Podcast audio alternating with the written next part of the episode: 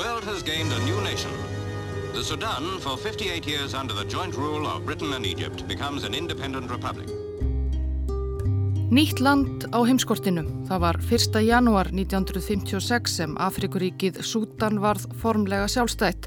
Sannarlega stór frétt því það varð þar með eitt af fyrstu ríkjum Afriku sem leist var úr viðjum nýlenduherra. Stærstu hluti álfunar var enn á valdi breyta, frakka, þjóðverja, belga og svo framvegis og svo framvegis. The proclamation of independence is read from the balcony of the House of Representatives in Khartoum and the new flag is hoisted. Blue for the Nile, yellow for the desert, green for agriculture. Og svo var þetta nýja ríki ekkert smáríki. Það var stærsta ríki í Afríku, stærra en Þískaland og Frakland saman lögðið að rúmur einn fjörði af bandaríkunum á þessu gríðarstóra svæði sem er þó að mestum hluta eðimerkur og þurrar hrjóstrugar sléttur nema helst rétt við gróðursæla bakka Nílarfljótsins. Þar byggu þó bara um 6 miljónir manna.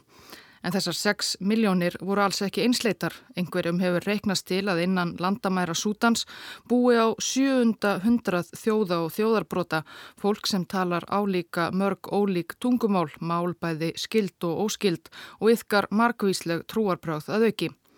Og ekkert sérstakt í rauninni sem segir að þetta stóra svæði og allar þessar markvíslegu ólíku þjóðir ættu að vera eða vilja vera í einni seng.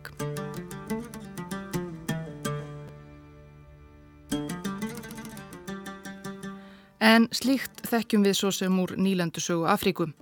Landið Sútan skiptist í þó nokkur ólík svæði, norður og söður, östur og vestur. Í norður hlutanum hafði Íslams trú verið lengi ráðandi og fólki talaði arabísku eftir að hafa lotið stjórn Egiptalands frá því á 19. höld. Söður hlutin hins vegar var allt öðruvísi.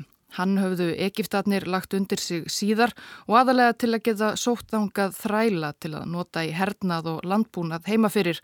Íslam hafði ekki náð þangað að ráði og ekki arabískan heldur. Þar byggu allt aðrar þjóðir enn í norðrinu, svartar Afriku þjóðir eins og Dinka, Núer og Barimenn.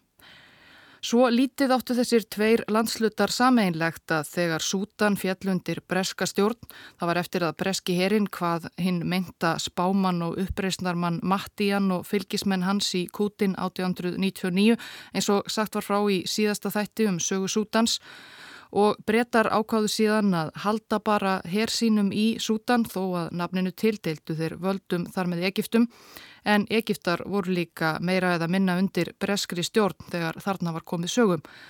Allavega þá ákváðu brettar að stjórna Sútan sem tveimur nær alveg aðskildum einingum, það er einmitt Norður og Suður Sútan. Í norðurinu fekkin arabíska og íslamska menning að vera áfram óskipt en það orðin ansi rótgróin. En í söðurhlutanum tóku brettar annan pól í hæðina þeir lefðu evróskum kristnum trúbóðum að bóða fagnadarerindi sitt frjálst í staðin og íttu undir nótkun ensku í stjórnkerfi og þjóðlífi.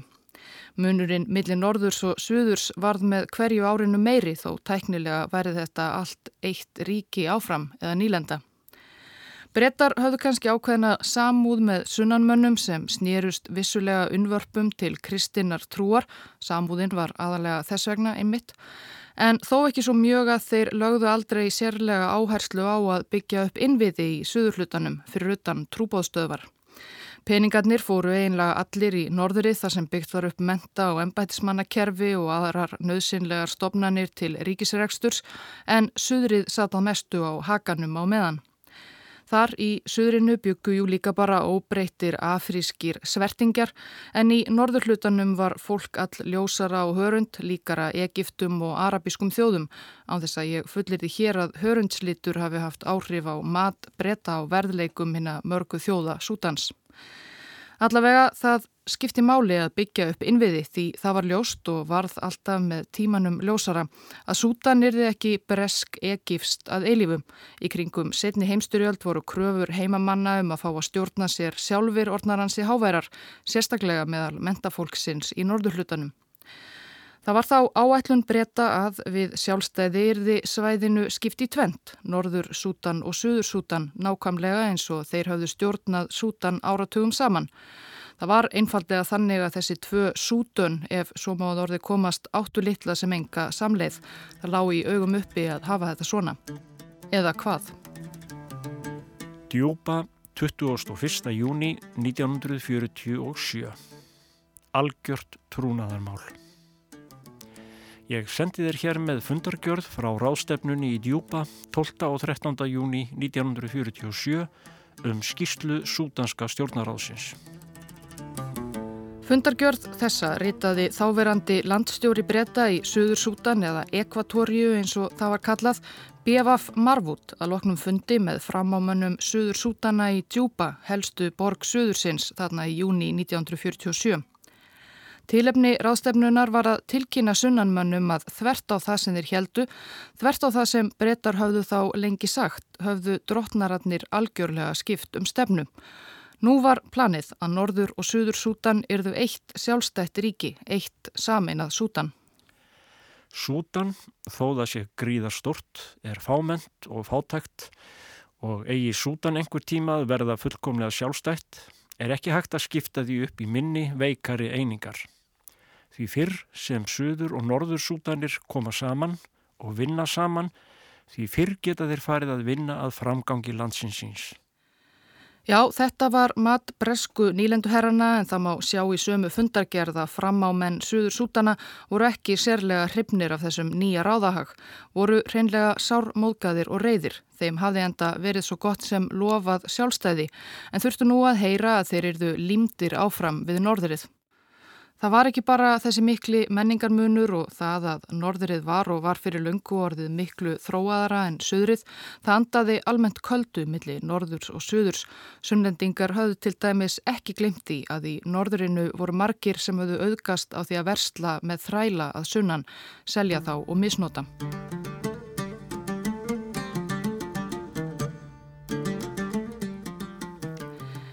En brettar hlustuðu einfallega alls ekki á umkvartanir Suður Sútana á ráðstefnunni í Djúpa í júni 1947 og nýju árum síðar, 1956 á nýjársdag, leitið sjálfstæða sameinaða gríðarstóra Sútan dagsins ljós. Ótti sunnanmanna við að tengjast norðurhlutanum reyndist á rökum reistur. Það var ekkert norður og suður, það var bara eitt sútan og höfuborg þessa eina sjálfstæða sútans var Kartum, borgin sem stendur þar sem níl greinist í kvítuníl og bláuníl og líka helsta borgin í norðurhlutanum. Og auðvitað réður líka norðanmenn lögum og lofum í stjórnkerfinu í öllu. Brettar höfðu hugsað fyrir því að þjálfa upp sútanska embættismenn til að taka við stjórninni að þeim förnum. Það var þannig séðfrekar framsýnt af Evrósku nýlenduveldi. Belgar gerðu ekki það sama í sínu belgíska Kongo til dæmis. En þó af 800 hátsettum embættismannastöðum sem urðu til við sjálfstæðið fengu aðeins fjórir sunnlendingar slíkar yfirmannastöður, annars bara norðanmenn og fögur lofvorð fyrir sjálfstæði norðanmanna til sunnlendinga um að sjálfstætt sútan er þið einhvers konar sambandsríki, söður hlutin með einhverja sjálfstjórn. Þau lofvorð voru líka svikin eiginlega um leið. Það er þið bara kartum sem réði öllu. Þetta leita ekki sérstaklega vel út fyrir suðrið og þó mikið hafi verið um dýrðir á sjálfstæðisfögnuðinum á nýjárstag 1956 hafði þetta nýjasta land landakortsins þá þegar hafið stríð. Fjórum mánuðum fyrir hið formlega sjálfstæði í ágúst 1955 hafðu ungir óbreyttir hermenn í nokkrum smábæjum í Suður Sútan resið upp gegn yfirbúðurum sínum sem voru upp til hópa herfóringjar að norðan. Þegar þeir reyndu svo að kveða niður uppreysn ungmennana fóru þeir með vopn sín út í sveitir og heldu þaðan uppi skæruhernaði gegn stjórnvöldum. Sunnlensku uppreysnamönnunum varð reyndar lítið ágengt fyrstu árin, ekki sérlega skipulagðir eða reyndir og með léleg vopn og annan búnað. En smátt og smátt þegar á leið urðu þeir einbettari og náðu jáfnframt meiri árangri. Um 1963 eftir nokkur ára af misgáfulegum skæruhernaði stopnuðu Suður Sútanskir aðskilnarsinnar samt tök sem þeir nefndu Anja Nýja Það er orður tungumáli Mati þjóðarinnar sem er eina af fjölmörgum þjóðum Suður Sútans og er notað um sérstaka hefbundna eiturblöndu sem gerðir úr snákaeitri og mikluðum bönum. Þú vilt ágæti hlustandi örglega ekki smakka á henni.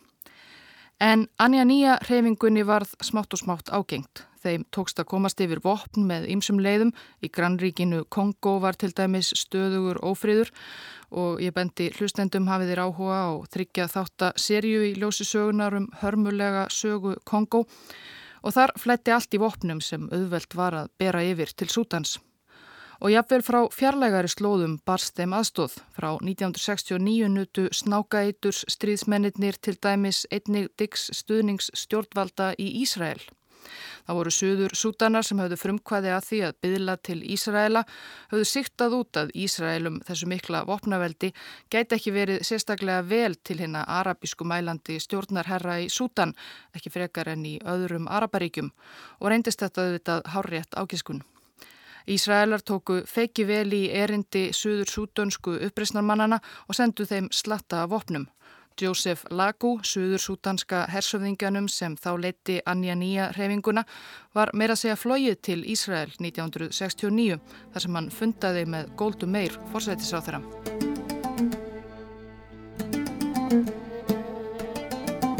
Á meðan allt logaði sumsé í illdeilum í suðrinu var svo sem ekki mikið rólegra í norðurhlutanum þó átökinn þar væru kannski ekki eins blóðug.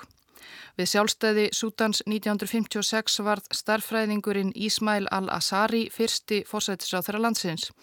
Hann hjekk þó aðeins í ennbætti í örfáar vikur vegna ímiskonar innbyrðis deilna norður sútanskra mektarmanna. Eftir maður hans að nafni Abdallah Khalil satt svo í tvö ár en þótti lítið gera til að taka á ímsum vandamálum hins nýja ríkis, korki efnahags örðuleikum. Þetta söndug á þurra land hafði ekki beinlinis margar tekjulindir Nýja átökunum í söðurhlutanum var honum loks steift af stóli í valdaráni herfóringjans Íbrahim Abud í november 1958. Sá bannaði snarlega alla stjórnmálaflokka, namn stjórnarskrá Sútans úr gildi og stjórnaði sem innræðisherra. The president of a key African nation, Ibrahim Abud of the Sudan, is welcomed to Washington by President Kennedy. Þrátt fyrir gerraðislega stjórnarhætti var hersauðingjanum Íbrahim Abud tekið með kostum og kynjum í ofinberi heimsókn til Bandaríkina í oktober 1961. Hann hafði þá verið við völd í þrjú ár og John F. Kennedy, bandaríkjaforsiti, lofaði hann sem mikilvægan bandamannsinn og bandaríkjamanna í Afríkum. Íbrahim Abud hafði þá vissulega tekist að bæta aðeins þurran efnahag Sútans og var fyrir vikið nokkuð vinsett meðal landa sinna, eða já aðalega í norðurhlutanum. Í suðurhlutanum var allt aðra sögu að segja. Til þess að reyna að halda landinu saman sem einni einingu þvert á óskýr sunnlendinga lit Abud byggja íslamska skóla og moskur í suðri í gríð og erg og eldi sömleiðis arabísku kjenslu fyrir börn. Í raun reyndi hann að þurka út tungumál, trúarbröð og menningu sunnanmanna. Hann vísaði kristnum trúbóðum úr landi og fyrirskipaði að kristnir sútanar erðu að hætta að halda sunnudaginn heilagan og taka upp kvildardag á föstudag líkt og múslimar. Kristni væri erlend trú í sútan sem bæri að uppræta, ólíkt Íslamstrú sem þó var tæknilega séð ættuð enn lengra að frá því lengst á Arabíuskaga og Abbút hafði svipaða fyrirlitningu á þeim gömlu afrísku trúarbröðum sem margir suður sútanir stunduðu einnig áfram og voru sannarlega einu trúarbröðin á þessum slóðum sem ekki var hægt að lýsa sem erlendum. Allt þetta varði ekki sérlega vinsælt í suðurhlutanum Aukin kraftur færðist í andstöðu sunnanmanna við arabísku mælandi stjórnvöld í Kartum. Það var úr því andrumslofti sem áður nefnd Anja Nýja Hreyfing, svo sem kendi sig við snákaeitrið, spratt fram á sjónarsviðið.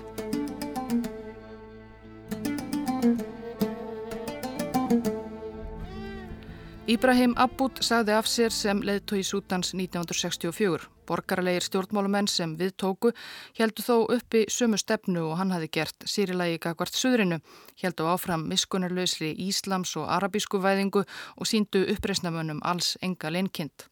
Talið er að um 500.000 manns hafi látið lífið í fyrstu súdönsku borgarstyrjöldinni, lang flestir þeirra óbreytir borgarar. Bismillahirrahmanirrahim. Eh, Leita við khatin ala sjabið Sudan í Serímu mæ 1969, sama ár og uppreysnarleittóin Joseph Lagu brá sér til Ísrael til fundar við Goldu Meir, var enn eitt valdaránið framið í Kartum. Þetta fór að verða ansi algengt. Í þetta sinn var það verki hópur herfóringja með tæplega fertugan ofursta í broti fylkingar að nafni Gafar Nýmeiri. Hann var af fátækumættum, sonur starfsmanns hjá postinum. Það var hann raunar rétt eins og hans helsta átrúnaðargoð Gamal Abdul Nasser, herfóringi og hæstráðandi í Egiptalandi.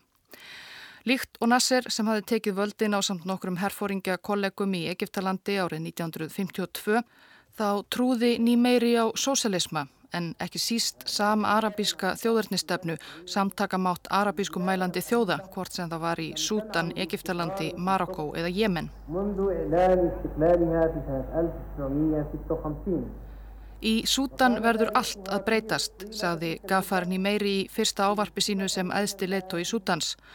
Svo vildi til að síðar þetta sama ár, í september 69, let annar ungur ofursti og Nasser aðdáðandi til sín taka í Granríki Sútans til norðvesturs. Muammar Gaddafi stifti þá Ídris konungi Líbíu af stóli og hann líka með það markmiði að breyta öllum.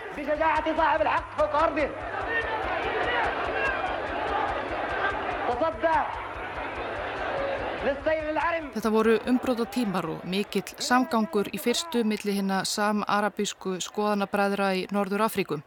Í desember 1969 gerði Nýmeiri einmitt með átrúnaðar góðinu Nasser í Egiptalandi og jafningjanum Gaddafi í Líbju metnaðar full áformum að sameina þessi þrjú ríki, Egiptaland, Líbju og Sútan, í eitt einskonar sam-arabíst stórveldi en til að gera langa sögu stutta þá var það lítið sem ekkert á endanum úr þeim áformum, ekki frekar en öðrum sam-arabískum stór áformum þessa tíma. Gamal Abdul Nasser lést svo 1970 og eftir maður hans sem fórseti í Egiptalands, Anwar Sadat, var ekki eins hrifin af hennum óvútreiknanlega, já ef ekki stórfurðulega unga leðtoga Líbíu Gaddafi. Það kastaðist líka fljótt í kekki milli Nýmeiris í Sútan og Gaddafis. Hann er með klófin personleika, sagði Nýmeri eitt sinnum Líbjumannin og báðir hlutar hans eru yllir.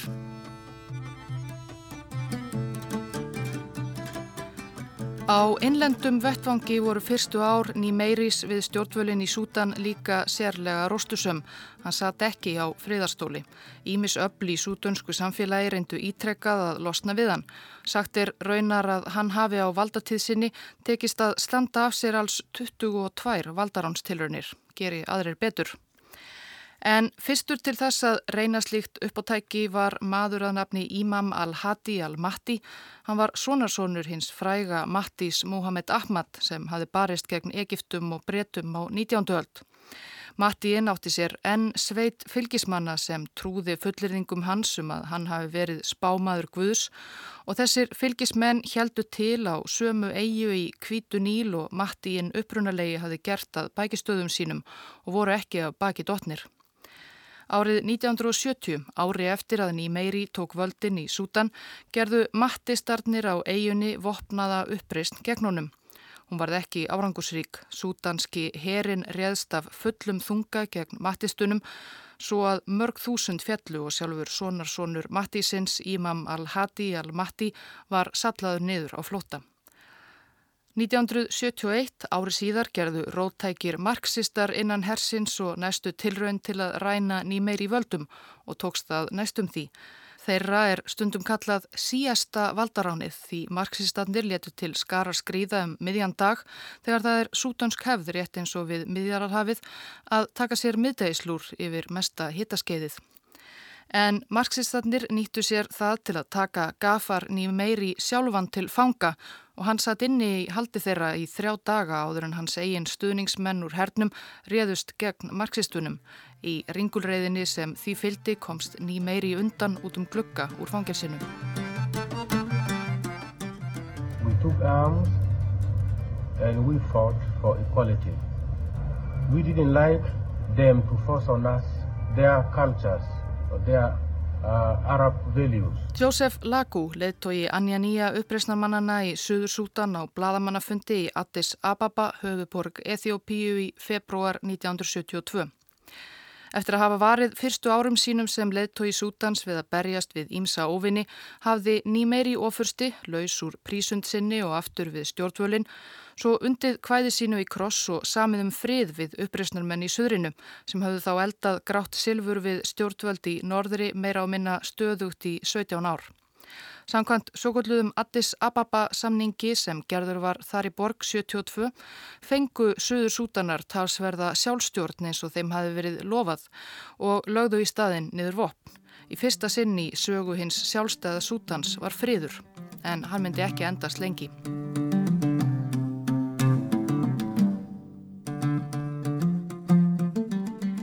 Árið 1978 uppgötuðu útsendarar bandaríska ólíurísans Chevron ólíu við Þorp nokkuð í Suður Sútan. Sankvæmt Addis Ababa samningnum áttu sunnanmenn sjálfur rétt á ágóða af hverskins náttúr og auðlindum og yfiráðasvæði sínum.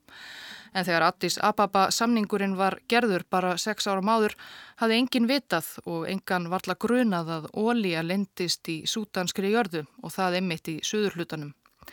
Sútan hafði glimt við efnahagsörðuleika frá sjálfstæði. Aðal útflutningsafurðin var bómull sem gaf ekki svo mikið í aðrahönd. Efnahagurinn var eiginlega í ruggli, landið var sífælt skuldsettara og verðbólka jógst stöðugt. Það hýrnaði því yfir mörgum í stjórnkerfinu þegar fréttir bárust af uppgötun tjefrónmanna. Nefna helst í Suður Sútan. Þar grunnaði marga strax að svartagullið yrði þeim engin blessun.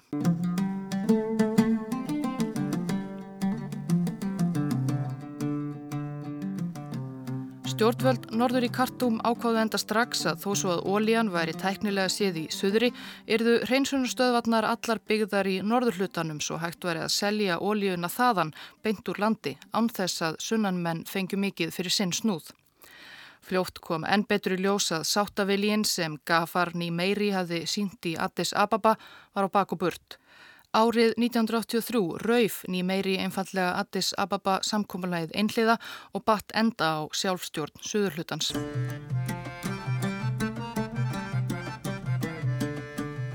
Til sögunar kemur nú Hassan nokkur al-Turabi, sonur íslamsks trúarleittóa frá austanverðu Sútan. Hann hafi lesið lögfræði í Kartum, svo í Lundunum og loks við Sorbonne í París, en hans raunverulegu hugðarefni voru guðfræði og trúarleg lög íslömsk. Eftir að hann snýri heim frá París í upphafi sjönda áratögarins var hann fljótlega orðin leðtogi íslamista samtakana Bræðralags muslima í Sútan og þegar Gafar Nýmeiri tók völdin 69 var honum og fleiri kollegum hans stungið í fangelsi því Gafar Nýmeiri var ekki sérlega vel til íslamista. Hann var sósialisti og arabisti og ekki fyrir trúarlega stjórn. Já, það var hann cirka fram til ásins 1977 þegar Hassan al-Turabi og fleiri fangelsaðir íslamistar voru látnir lausir sem hluti af þjóðarsátt milli nýmeiris og íslamista í Sútan. Þeir síðar nefndu voru þá orðnir áhrifamiklir meðal landsmanna þrátt fyrir fangelsanir og nýmeiri gætt líklega ekki annað en að láta undan. Það var dýll. Því ekki leið á laungu þar til helsti íslamisti Sútans, Hassan al-Turabi, var orðin einsti koppur í búri hjá nýmeiri sjálfum. Árið 1979 var hann svo formlega skipaður dómsmálar á þeirra Sútans. Nýmeiri sem hafi verið veraldlegur sósalisti fyrsta áratug valdatíðar sinnar var nú allt í einu komin svo gott sem algjörlega á vald íhaldsinnaðra íslamista og 1983, sama áru og hann rifti Addis Ababa samkómulæginu, þá lísti hann yfir og það er örugt að þetta var að undirlægi Al-Turabis, íslamista dómsmálaráþrans, að íslamsk sjarja trúarlög gildu nú í Sútan. Landið væri íslamst ríki. Þjófum er þeir refsað með því að skera af þeim hönd. Þeir sem gerðust uppvísir um áfengistrykju hýttir, trúvillingar teknir af lífi og svo framvegis. Dans eftir evróskri háttu var bannaður. Allt áfengi var gert upptækt og held niður í níl.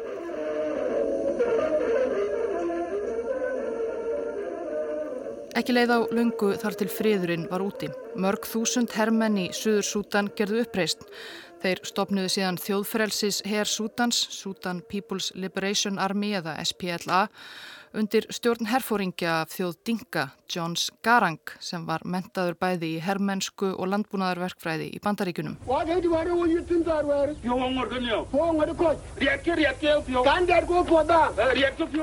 Yfirlýst markmið SPLA var eitt sameinað sósialist sjarjalaust sútan. Þeir voru ekki aðskilnaðarsinnar, heldur börðust að eigin sögn fyrir alla sútana. En eins og gjarnan er með borgarstyrjaldir á þessum slóðum blönduðust fljótt Erlend ríki í leikin. Sútanski þjóðfrestis herinnaut stuðnings stjórnvalda í Eþjópíu. Það var hemdaraðgerð því ný meiri í Sútan hafi einu sinni stutt eritreiska askilnaðar sinna í Eþjópíu. Frá því um sumarið 83 og næstu misseri og ár lögðu sveitir SPLA undir sig talsvert landsvæði í sunnanverðu Sútan. Þrátt fyrir að skreita sig með fögrum orðum um frelsun sútönsku þjóðarinnar fóru sveitirnar oft fram af mikilli grimd og herrmenn SPLA drápu fjölda og breytra borgara. Í söður Sútan var líka fjöldi flótamanna frá Úganda, fólk sem hafi flúið ógnarstjórn Ídi Amins og SPLA menn ráku þau miskunarlöst heim til að geta sölsað undir sig lönd þeirra og egnir. Þá börðust söður sútanir líka innbyrðis. SPLA barðist við aðra uppreysnarhópa eins og Anja Nýja 2 en svo kölluði sig arftakar Anja Nýja snákaeitur sveitana úr fyrsta borgarastíðinu og svo framvegis það var einfallega skálmöld. Gafar Nýmeiri leittói Sútans nautamóti aðstóðar bandaríkjana. Þrátt fyrir það ofríki sem Nýmeiri beitti þegna sína í söðri og þrátt fyrir daður hans við Íslamista áleitt Ronald Reagan bandaríkjaforsetti hann mikilvægan bandamenn og mótbægi við óvinni bandaríkjana eins og Gaddafi í Líbíu og marxísku herstjórnina í Eþjópíu. Bandaríkin dældu því peningum til Nýmeiris en þó tókst honum að klúðra efnahags sútan skjörsamlega. Áætluðu stórsókn hans í landbúnaðarfjárfestingum fór út um þúfur og í þurkum 1983 og 4 er áætlað að á þriðja 100.000 manna hafi látist eftir uppskerubrest. Nýmeiri tókst að þakka neyð þegna sinna betur niður en stjórnvöldum í Eþjópíu þar sem einnig ríkti hungursneið um þetta leiti. Það voru sömu þurkar þar en það varð aldrei neitt sútanst Do They Know It's Christmas.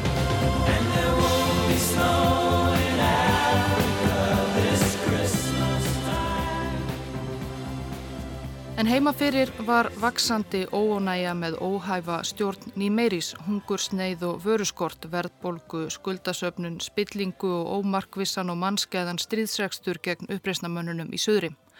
Mentamenn og verkalýsfélög skipulögðu á endanum mótmæli gegn stjórnans sem og verkvælsaðgerðir og í april 85 var Gafar nýmeiri ofursta stift af stóli eftir 16 ár sem leðtói í Sútans. Hann stóð af sér 22 tilraunir til að koma honum frá, er sagt, en svo 20. og 3. tókst og hann röklaðist í útlegð til Egiptalands.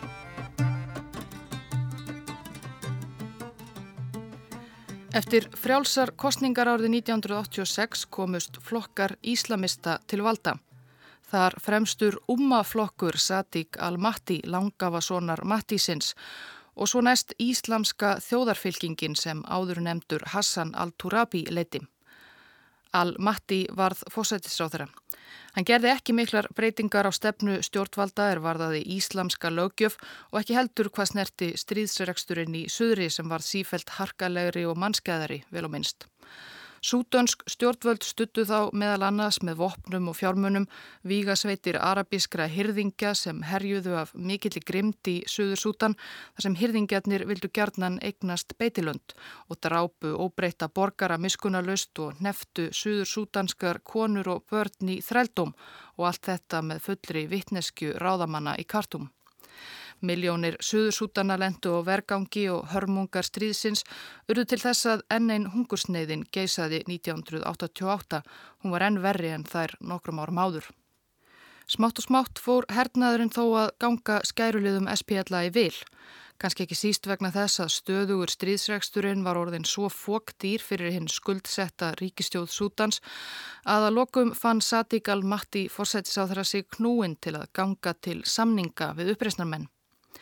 Hann ætlaði síðsumars 1989 þannig að þinga með John Garang, herfóringanum og landbúnaðarverkfræðingnum sem leiti SPLA en og aftur í Addis Ababa. En Sadiq al-Matti komst aldrei til Addis Ababa. Áður en fundurinn átti að fara fram 30. júni 89 var hann handtekinn á samt fleiri ráðherrum og valdamönnum af löndum sínum sútunum. Þetta var enn eitt valdaránið í þryggja áratuga sögu sútans. Markmið þess var að koma í vekk fyrir fríðarsamninga við SPLA og bjarga landi og þjóð frá rótnum stjórnmálaflokkum eins og leittói valdaránsmanna orðaði það í sjónvars áarpi. Leittói þessi var 45 ára herfóringi sem hafi aðalega getið sér það til fræðar að hafa barist í sútanskri hersveit fyrir ekifska herin í Jom Kippur stríðinu við Ísrael. Hann hétt Ómar al-Basir. Valdaránið var blóðlust. Basír og nokkrir aðrir herfóringjar íttu al-Matti einfallega til hliðar og tóku við eins og hefðu var fyrir í Sútan. En það sem kannski var ólósara þá en átti eftir að verða mjög ljóst var að Basír og hinnir herfóringarnir áttu sér valdamíkin bandamann sem kvattið á til dáða og hafði all meiri reynslu af sútanska stjórnkerfinu Það var raunar fyrverandi samherji al-Mattis, íslamski lögspekingurinn Hassan al-Turabi.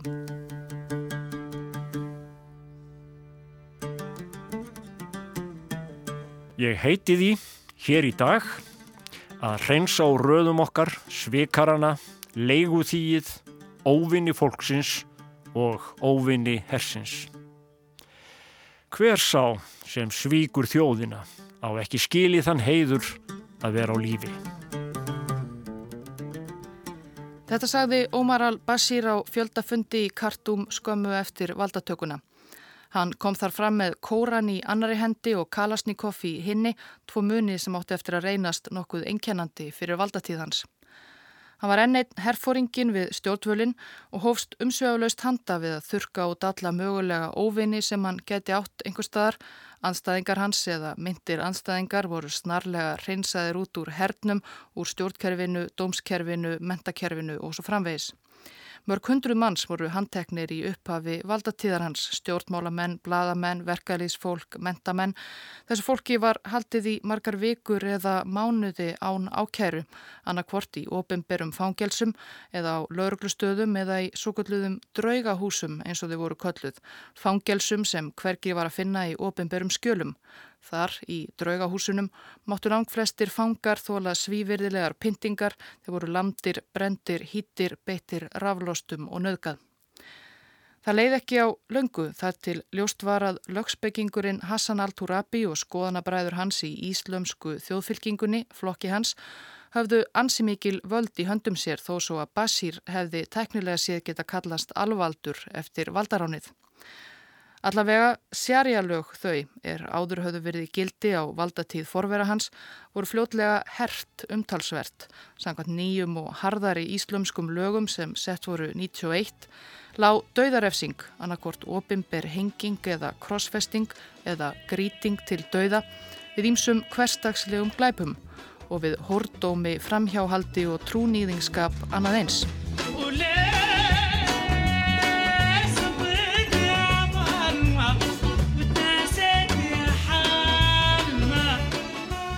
Sútan hefur alltaf haft einstaklega ríka tónlistamenningu. Flestar þjóðir á þessu svæði eru tónelskar og bara til dæmis myndaðist í arabísku mælandi norðurhlutanum einstakur suðupottur þar sem arabísk tónlistarhefð og arabísk hljóðfæri mættu tónskölum og rithma mið og austur Afrikum. Súfi múslimar Sútans hafa lengi notað tónlist í trúaratöfnum sínum og tónlist hefur alltaf verið órúvanlegur hluti af daglegu lífi landsmanna. Tónlist var eitt af helstu útflutningsaförðum Sútans. Sútanskir tónlistamenn, söngvarar og stórsveitir nutu verulegra vinselda og virðingar í grannlöndum eins og Egiptalandi og Eþjópi og Sómalíu og miklu víðar.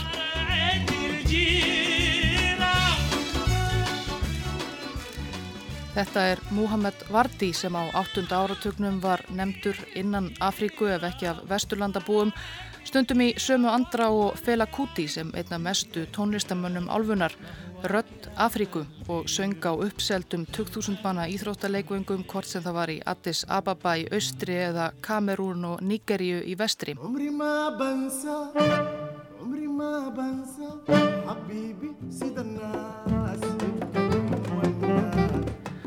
ma Þessi Abdel Gadir Salim sem eins og fleiri súdanskir söngvarar og hljómsveitarstjórar spilaði víða um lönd á 8., 9. og 10. áratögnum við góðan orðstýr.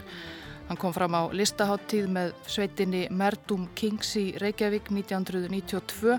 Um svipaleiti spilaði hann annar staðar á Norðurlöndum og um alla Evrópu.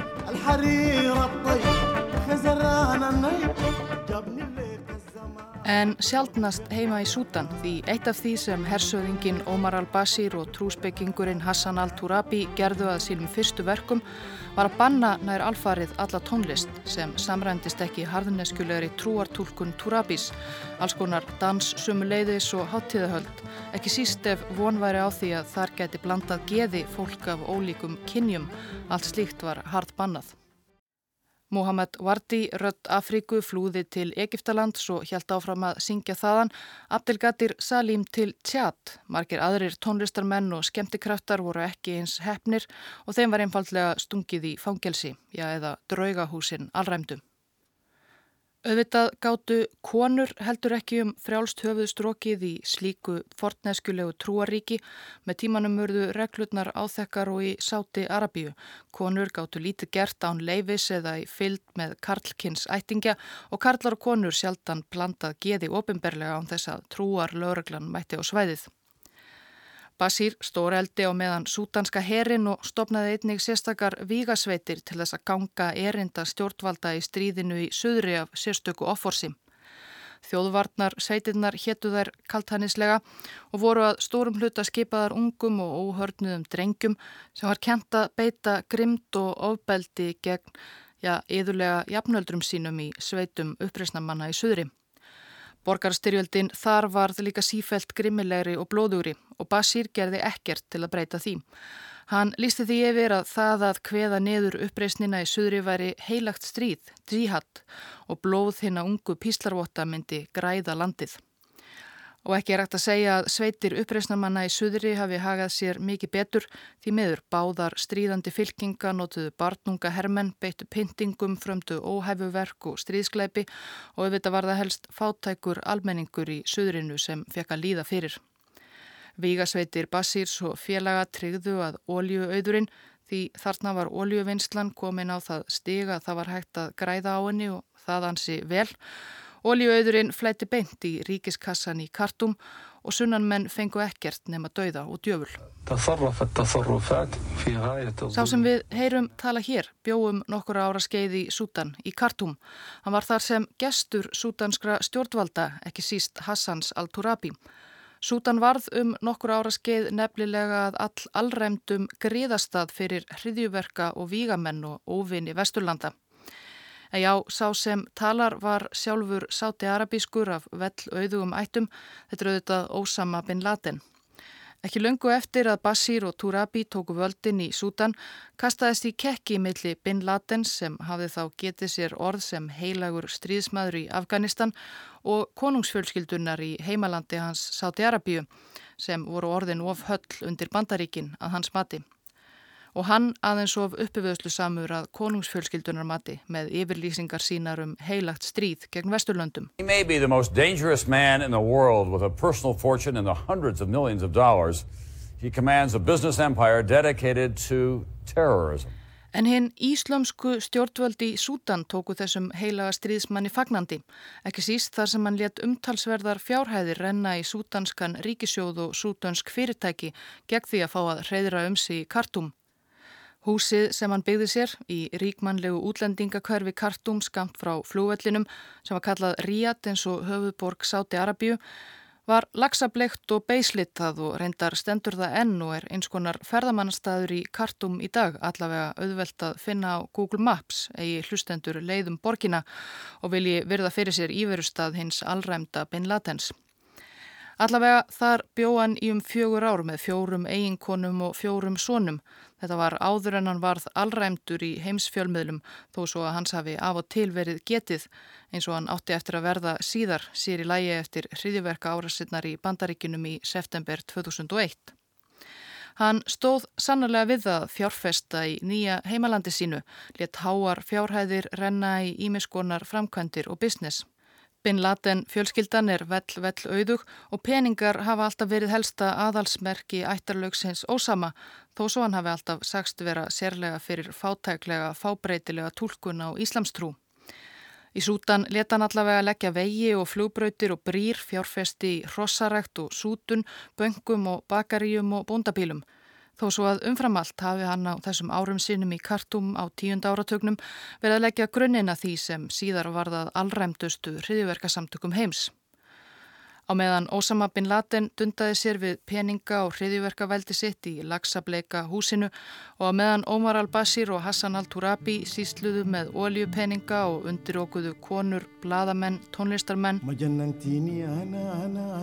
og flest alla aðra í stjórnarhöllum borgarinnar Þá geysaði blóðug borgarstyrjöldin í söður hluta landsins enn og varð bara verri og verri með hverju árinu sem leið og síðan á endanum þá fór blóðið að renna í öðrum hluta Sútans líka. Þá fór heimsbyðin að taka eftir á endanum en afleiðingarnar urðu samt eins og svo margt í sögu landsins hryllilegar.